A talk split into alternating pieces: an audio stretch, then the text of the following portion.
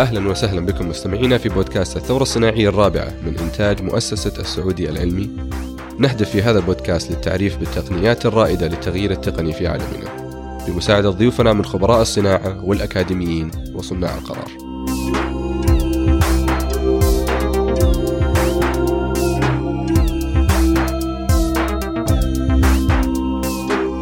السلام عليكم جميعا معكم الدكتور عمر العنزي وضيفنا هذه الحلقة هو الدكتور فهد السخيري حياك الله دكتور. حياك الله دكتور عمر. شرفنا بحضورك. لي الشرف الله يعطيك العافية. لو نبدأ الحلقة بنبذة بسيطة عن حضرتك. آه، معكم أخوكم فهد الصخيري أستاذ مساعد آه، في هندسة الطاقة المتجددة والهندسة الكهربائية جامعة الملك عبد العزيز. ما شاء الله تبارك الله. ومتأكد آه، على الأقل راح يكون فيه ما لا يقل عن 10 20 إن شاء الله من المستمعين من طلابك. إن شاء الله. حسب ما فهمت أثناء تحضيري للحلقة هذه إن منذ اختراع الكهرباء وإلى الآن توصيلها من المولدات إلى المستخدمين ما تغير كثير من من لحظتها إلى هذا اليوم لكن في تقنية جديدة الآن سمارت جريد أو الشبكة الذكية. ما هي الشبكة الذكية وكيف تختلف عن الأسلوب التقليدي في توصيل الكهرباء؟ خليني في البداية زي ما ذكرت أنت الشبكة التقليدية. طبعا شبكة الكهرباء التقليدية كانت من من نهاية القرن التاسع عشر من طريق يعني يعني المساهمين اللي عملوا إسهامات كبيرة في تقنيات الكهرباء لو توماس إديسون ونيكولا تسلا شبكات ال DC وال AC طبعا الشبكة الكهربائية كمنظومة تحتوي ثلاث مراحل رئيسية. اللي هي مرحلة التوليد آه، مثل ما ذكرت اللي تتم عن طريق آه، توليد الكهرباء في محطات توليد الكهرباء التي تعتمد على أي نوع من الوقود الوقود الأحفوري الطاقة النووية أو حتى آه، تعتمد على مصادر الطاقة المتجددة طاقة الرياح الطاقة الشمسية وإلى آخره. طبعا المرحلة هذه المرحلة الأساسية والأولى لتوليد الطاقة. بعد كذا تنقل هذه الطاقة عبر خطوط نقل نسميها transmission lines طبعا خطوط النقل هذه خطوط آه، تقدر بآلاف الكيلومترات. مثلا في المملكة عندنا تبلغ خطوط النقل حوالي 7000 كيلومتر. مجموع الخطوط مجموع الخطوط النقل. طبعا بعد كذا تيجي مرحلة التوزيع. آه، توزيع هذه الطاقة وعن طريق محطات توزيع بعد كذا توصل الكهرباء هذه إلى ال end users أو المستخدمين للطاقة الكهربائية.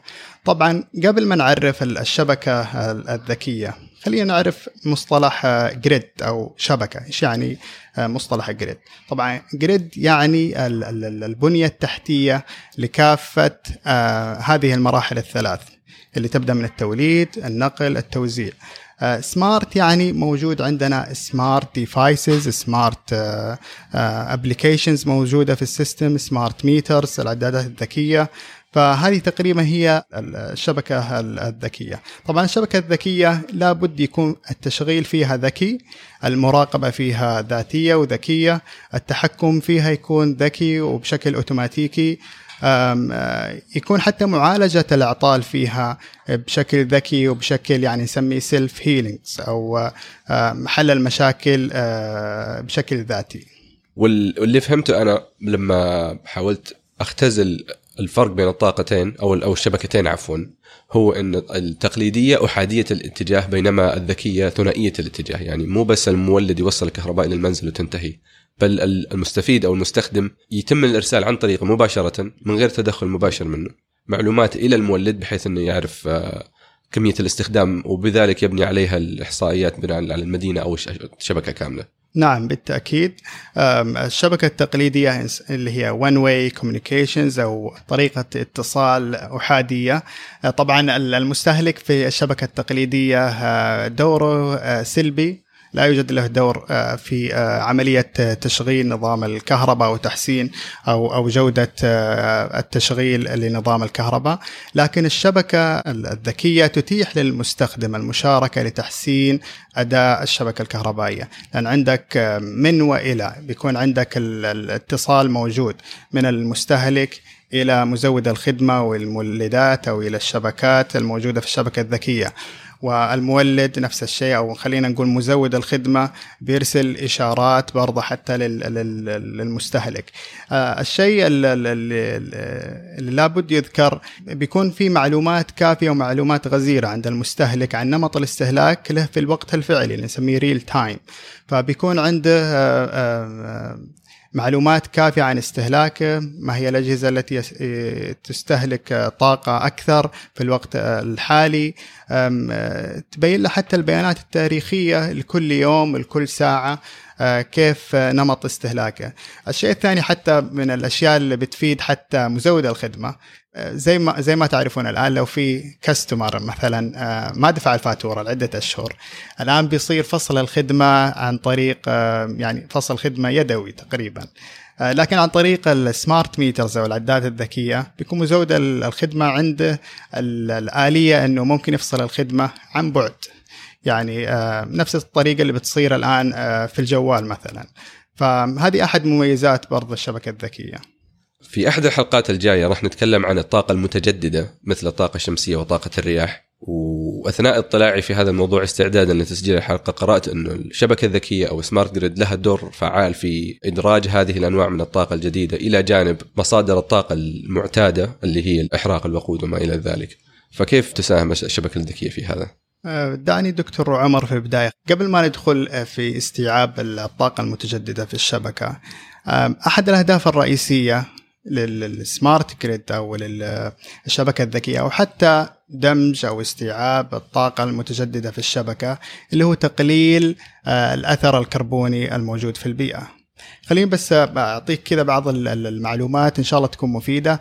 عندنا مثلا يعني محطات التوليد. عندنا محطة توليد مثلا اللي تعتمد على الفحم محطة توليد تعتمد على الغاز الطبيعي محطة توليد تعتمد على طاقة الرياح محطة توليد تعتمد على الطاقة الشمسية. طبعا محطة التوليد تعتمد على طاقة الفحم. لك أن تتخيل أن آه، نسبة ثاني أكسيد الكربون فيها تقدر ب 1000 جرام CO2 equivalent per kilowatt hour. فعندنا 1000 جرام. فالغاز الطبيعي طبعا النسبة تقدر بحوالي 500 جرام CO2 equivalent per kilowatt hour. بينما في الطاقة الشمسية تقدر ب 40 جرام. لك أن تتخيل أو آه، تقارن 40 جرام مع 1000 جرام طاقة الفحم أو 500 جرام الغاز الطبيعي. فرق شاسع فعلا. فعلا. والطاقة الرياح أقل بكثير حتى من الطاقة الشمسية. تقدر يعني تقريبا من 4 إلى 5 جرام CO2 equivalent per kilowatt hour. فاستيعاب الطاقة المتجددة بإذن الله بيكون له أثر يعني ممتاز جدا على آه، أثر إيجابي بإذن الله على البيئة. وأحد أهداف السمارت جريد اللي هو استيعاب هذه المصادر اللي بتكون مصادر آه، عبارة عن مولدات. صغيرة وكبيرة. زي ما تعرف الآن الشبكة التقليدية فقط عندنا مولدات كبيرة المولدات الرئيسية. لكن في الشبكات الذكية حيكون عندنا مولدات موزعة نسميها distributed generation اللي تكون موجودة حتى بالقرب من مراكز الأحمال. يعني ممكن في الأحياء السكنية بيكون عندنا دي جي أو distributed generation مثلا طاقة شمسية. فهذه المصادر اللي بتكون منتشرة في كل الأماكن حتستوعبها بإذن الله اللي هي الشبكة الذكية. طبعا دور الشبكة الذكية مع الطاقة المتجددة مثلا لو آه، كان customer عنده زيادة أو فائض في إنتاج الطاقة المتجددة. عن طريق ال smart devices أو عندنا ال net metering اللي هو الميتر أو العداد اللي يسمح لك بتجارة الطاقة مع مزود الخدمة. فلو كان الفائض عندك أو كان عندك استهلاكك أقل من إنتاجك للكهرباء. فالفائض تقوم ببيعه آه، لمزود الخدمة عن طريق هذه الشبكة. طبعا آه، بتكون علاقتك مع مزود الخدمة بتكون عن طريق سمارت ديفايسز أو أجهزة ذكية. يأتيكم هذا البودكاست الحواري برعاية المؤتمر السعودي التاسع للشبكة الذكية وهو مؤتمر سنوي يقام برعاية وزارة الطاقة لمناقشة أحدث التقنيات والسياسات والتطورات التي تشهدها مجالات الطاقة وتقنياتها الحديثة ويجمع جميع المهتمين والمختصين وصناع القرار في هذا القطاع في مكان واحد. فسارع بحجز مقعدك في هذا الحدث التقني الأضخم على مستوى المنطقة بالدخول على موقعنا الإلكتروني www.saudi-sg.com طيب غير فصل ال- ال- الشبكة تلقائيا على المستخدم اللي ما يدفع الفاتورة، أنا متأكد إن المستمعين يقول أوكي استفادت البيئة، طب أنا كمستخدم إيش أستفيد من الشبكة الذكية؟ كمستلم لل- للكهرباء ومستخدم شخصي؟ طبعا آه، حيستفيد ال- المستخدم آه، مستخدم ال- الكهرباء. أول شيء ممكن إنه آه، تجارة الطاقة والفائض عن احتياجه. الشيء الثاني إنه حيعرف نمط الاستهلاك لها الفعلي. ويقدر يعمل كنترول أو يقدر يتحكم في استهلاكها ال- الفعلي الآن وبيعرف إيش الأجهزة اللي تست- تستهلك طاقة أكثر. آه، طبعا هذه مفيدة جدا حتى في الدول اللي آه، عندهم التعرفة مختلفة. عندنا في المملكة تعرفة موحدة اللي هي القطاع السكني 18 هللة لكل kilowatt hour لما يكون استهلاك أقل من 6000 kilowatt hour في بعض الدول لا عندهم التعرفة في اليوم تختلف على حسب الوقت. وقت الذروة يكون التعرفة مرتفعة والأوقات الثانية خارجه وقت الذروة بيكون التعرفة أقل. فهنا المستخدم أو أو مستهلك للطاقة أم، إذا عرف ال ال هذه المعلومات آه، والتفاصيل بيقدر حتى يعمل shifting لل load حقه لل- لل- لل demand أو طلب للطاقة. ما حيستهلك الطاقة في وقت الض... آه، وقت الذروة عشان التسعيرة غالية أو التعرفة غالية. حيقوم باستهلاك الطاقة وتشغيل ال- الأجهزة اللي تستهلك طاقة في أوقات أخرى غير وقت الذروة. يعني على المدى البعيد ممكن أتوقع إن المستخدمين اللي مدرجين في الشبكة الذكية يوفرون الكثير على المدى البعيد. هي. بالتأكيد بالتأكيد لما يكون عندك بتعرف نمط الاستهلاك عندك أكيد انه حيكون بإذن الله عندك تصور كامل عن استهلاك الطاقة وكيف تتم الفوترة وإلى آخره. طبعا من الأشياء اللي حتى ال- ال- المستهلكين يساعدون ال- الشبكة في تحسين جودتها. وتحسين آه، آه، يعني قدرتها التشغيلية اللي هي السماح حتى. للمستهلكين بالمشاركة في تحسين آه، تشغيل نظام الكهرباء. الشيء الثاني في شيء عندنا نسميه demand response طبعا أو استجابة المراكز الأحمال. طبعا في وقت الذروة ممكن مز- مزود الخدمة بدل ما يشغل مثلا مولدات احتياطية طبعا هذه المولدات بتكون سريعة الاستجابة بتكون تكلفتها عالية بدل ما يعمل الخطوة هذه ممكن يتواصل مع المراكز الأحمال أو مع المستهلكين إنهم آه، يقفلوا أجهزة بعض الأجهزة عشان يقللون ال- ال- الأحمال الآن ويتم تعويضهم بعد ذلك آه، مبالغ معينة. فهذه من الأشياء الإيجابية حتى للمستهلكين. آه، شيء ممتاز. طيب أنا على كذا أبغى الشبكة الذكية تكون متاحة لي بأقرب وقت، مو قلت لي قبل التسجيل إنه في خطة لهذا الشيء صحيح؟ نعم في خطة طبعا يوم الأحد الماضي كان عقدت اتفاقية برعاية صاحب السمو الملك الأمير عبد العزيز بن سلمان وزير الطاقة. آه، كانت ال- الخطة بين خمس جهات اللي هي وزارة الطاقة الهيئة السعودية للمواصفات والمقاييس والجودة ساسو الشركة السعودية للكهرباء وهيئة تنظيم الكهرباء والإنتاج المزدوج إكرا وهيئة المحتوى المحلي للمشتريات الحكومية. طبعا هذه الاتفاقية تنص على سيكون بإذن الله عندنا أو سيركب 10 مليون عداد ذكي على ثلاث مراحل. المرحلة الأولى بيتم تركيب 3.5 مليون عداد بنهاية الربع الأول من 2020 المرحلة الثانية سيركب بإذن الله مليون ونص عداد ذكي بنهاية الربع الثالث آه، آه، من 2020 والمرحلة الثالثة تركيب 5 مليون عداد بنهاية الربع الأول من 2021 طبعا سيكون حتى نسبة توطين آه، هذه المشاريع أو تركيب العدادات الذكية ومشاركة الشركات المحلية بتكون بإذن الله بنسبة 35% في الشهرين القادمة بإذن الله ستقوم بالشركة السعودية للكهرباء بطرح هذه المشاريع واستقبال ال- ال- ال- العروض من الشركات المهتمة بالموضوع بإذن الله. آه، جميل جدا. وهذه أتوقع من الأمور اللي راح يستفيد منها الشعب على نطاق واسع وليس على نطاق فردي. خصوصا لأننا نس- نستسهل وجود الكهرباء الين تختفي لأننا تعودنا على وجودها ووفرتها طوال الوقت. لكن الكوارث الطبيعية والأسباب الأخرى لانقطاع الكهرباء على احياء واحيانا مدن كاملة ممكن تصير. لكن قرأت في اطلاعي عن الموضوع أن الشبكة الذكية ممكن تساهم في الحماية من هذا الشيء أو إعادة الكهرباء بأسرع بطرق أسرع بعد حدوث هذه الأمور. اي فعلا. خلينا نوضحها بصورة بسيطة دكتور عمر. الآن آه، في الشبكة التقليدية لما يصير عطل في أي حي أو أي منطقة طبعا العطل هذا ما يتم إصلاحه إلا بعد ما يقوم المستهلكين أو الناس اللي في الحي بالإبلاغ عن طريق الاتصال بالدعم الفني للشركة آه، بوجود أو حدوث مشكلة آه، وصار انقطاع للكهرباء. والبروسيس هذا أو بتاخذ وقت طويل على بال ما تستجيب الشركة وبترسل فرق فنية عشان تحل المشكلة. لكن في الشبكة الذكية بيكون عند مزود الخدمة. بيعرف بالضبط فين تحدث الأعطال وقبل ما تحدث الأعطال بيكون عنده آه، تصور إن هذه المنطقة آه، المنطقة ممكن حيصير فيها آه، عطل. فهذه من مميزات الشبكة الذكية. حتى بعض الأعطال ممكن إنها يتم يعني إصلاحها بشكل ذاتي من غير تدخل فرق فنية.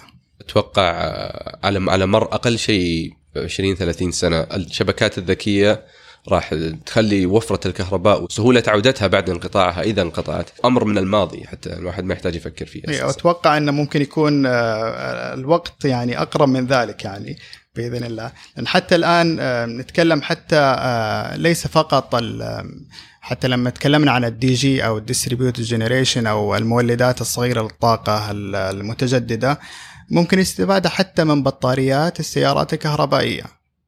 يعني البطارية بعد ما تشحن ممكن استفادة من هذه البطارية بتزود خدمة لشركة الكهرباء أو بتعطيها يعني بتزودها مقدار معين مثلا في وقت الاحتياج. طبعا خلينا نتكلم شوي على السيارات الكهربائية. يعني يعني كثير من الدول يعني وضعت خطة لحظر السيارات التي تعمل بالوقود يعني. يعني بداية في دول منها بريطانيا النرويج الهند الصين فرنسا ودول أخرى طبعا. أول دولة وضعت خطة أو أعلنت الخطة النرويج كانت في 2016 فخطة النرويج أن 2025 تقريبا بعد خمس سنوات بيكون يعني يدخل مرحلة التنفيذ حظر السيارات اللي تعمل بالوقود بريطانيا ودول ثانية يعني من 2000 و 2030 إلى 2040 يعني 2040 معظم الدول بتقوم بمرحلة تنفيذ حظر السيارات اللي تعمل بالوقود.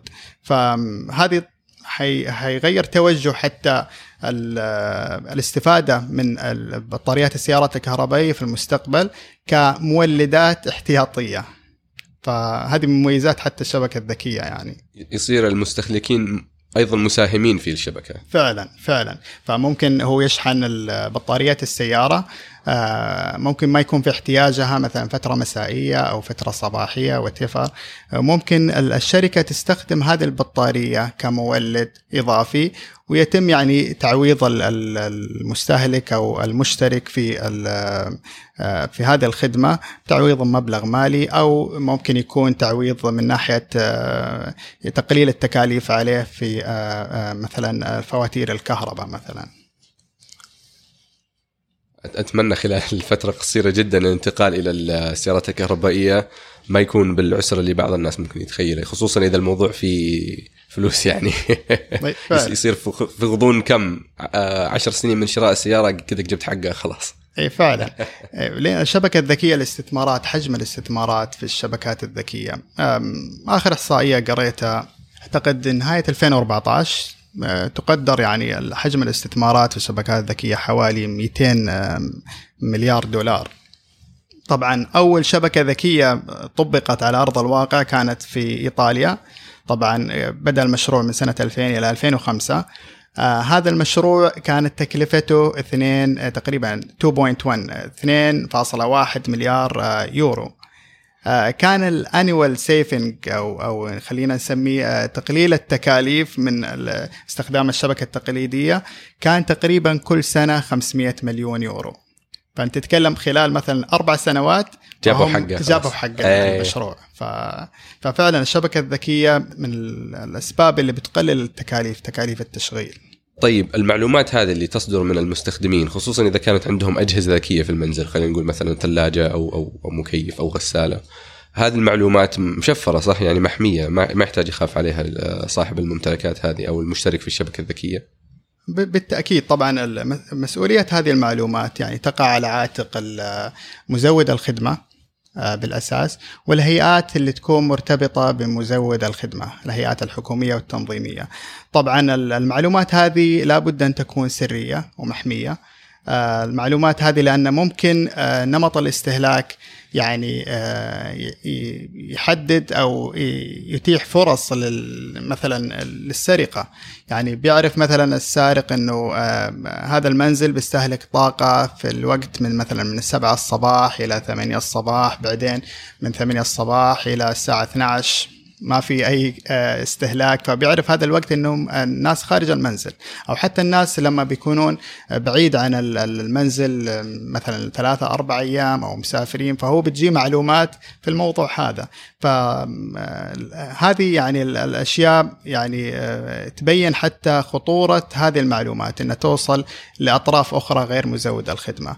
طبعا ممكن هناك يعني أكثر من طريقة لحماية المعلومات هذه عن طريق طريق ال threat modeling نمذجة التهديد اللي بيصير عن طريق ال encryption تشفير المعلومات هذه عن طريق حتى ال strong authentications طرق المصادقة. مثل ما تتم الآن لما بتدخل مثلا على حسابك البنكي بيتم يعني طريقة معينة إنه بيرسل لك على جوالك رسالة للتأكد أو استخدام أي بطاقة مثلا بنكية عندك.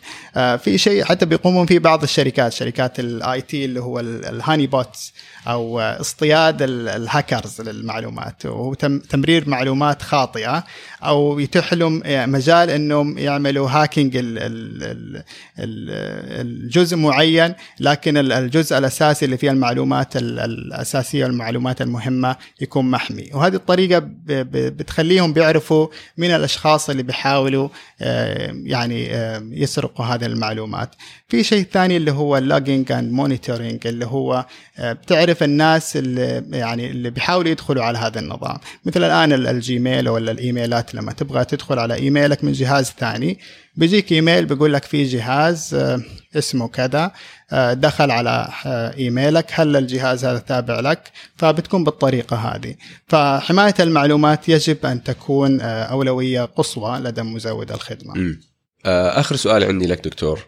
إضافة إلى تغيير العدادات إلى عدادات ذكية، هل في تغييرات أخرى في البنية التحتية متطلبة لتقديم الخدمة عن طريق شبكة ذكية على نطاق واسع؟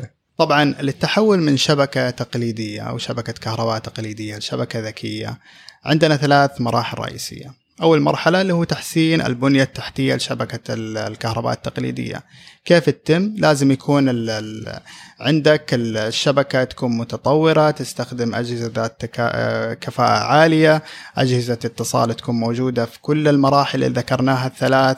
يكون عندك حساسات كثير موجودة في, النظام عندك عشان بتعطيك معلومات أو تزودك معلومات بشكل أوسع. آه، المرحلة الثانية لازم يكون عندك اللي نسميها ال digital layer أو طبقة رقمية.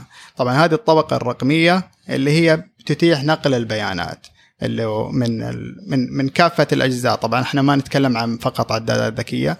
عندنا أجهزة ذكية كثيرة وحتى مولدات كثيرة ومحطات توزيع كثيرة ومحولات كثيرة فكل الأجهزة هذه لابد أن آه، يكون فيها يعني متاح التواصل الرقمي مع مزود الخدمة يكون عندنا منصة كبيرة موجود فيها كافة البيانات اللي يتم معالجتها وتحليلها بعد ذلك. آه، المرحلة الثالثة اللي هو كيف يتم إدارة مرحلة التحول. طبعا تحتاج لاستثمارات ضخمة جدا في المجال هذا. طبعا نتكلم قطاع كبير جدا. آه، ليس فقط العدادات الذكية.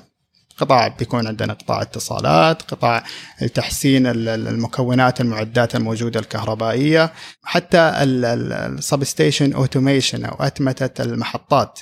فكل المحطات الموجودة لابد أن تكون يعني ذكية وتتيح معلومات وتبادل معلومات مع آه، أي طرف موجود في المنظومة الكهربائية. إذا حسب ما قلت لي الخطه المبنية حاليا أنهم يحاولون ينتهون على 2021 وإحنا الآن في نهاية 2019 معناه الموضوع مقارنة ببعض المشاريع الأخرى اللي كان لها تغيير جذري في البنية التحتية ما تأخذ وقت طويل. يعني شفنا مشاريع أخذت أكثر من سنتين. بإذن الله. طبعا هو من الأجزاء المهمة في الشبكة الذكية اللي هو العدادات الذكية. لأنك تتكلم عن عدد كبير من العدادات والتعامل مع آه، كافة المستهلكين الموجودين في الشبكة عندك. بعد كذا هي الأشياء تتعلق بمزود الخدمة نفسه اللي هي المحطات الموجودة هي تابعة له المولدات طبعا تابعة لمزود الخدمة الخطوط النقل التوزيع كل الأشياء هذه تابعة لمزود الخدمة. طبعا مزود الخدمة آه، بالإمكان يعني ممكن يتعاقد مع شركات أخرى لتقديم هذه الخدمات الرقمية أو خدمات الاتصالات ممكن يكون هو يعني الخطوة هذه يكون هو شغال عليها وأعتقد عندنا في المملكة البيئة بإذن الله بتكون أعتقد إنها جاهزة الآن لتطبيق إن شاء الله الشبكات الذكية في المستقبل القريب بإذن الله. طيب مثل ما ذكرت دكتور الشبكة الذكية والعدادات الذكية تكون قارئة لنفسها بنفسها. وهذا يقلقني بشأن اللي مهنتهم قراءة العدادات بشكل يدوي حاليا. وإيش خطة الشركة الكهربائية السعودية والحكومة السعودية في إعادة تأهيلهم أو مساعدتهم في الحصول على مهن في المستقبل؟ طبعا بالتأكيد دكتور عمر هو قلقك في محله بالنسبة للوظائف قارية العدادات الحاليين. لكن أثناء عقد الاتفاقية بين الجهات الخمس. كان في تصريح رئيس مجلس إدارة الشركة السعودية للكهرباء الدكتور خالد السلطان وسئل عن هذا الموضوع بالتحديد.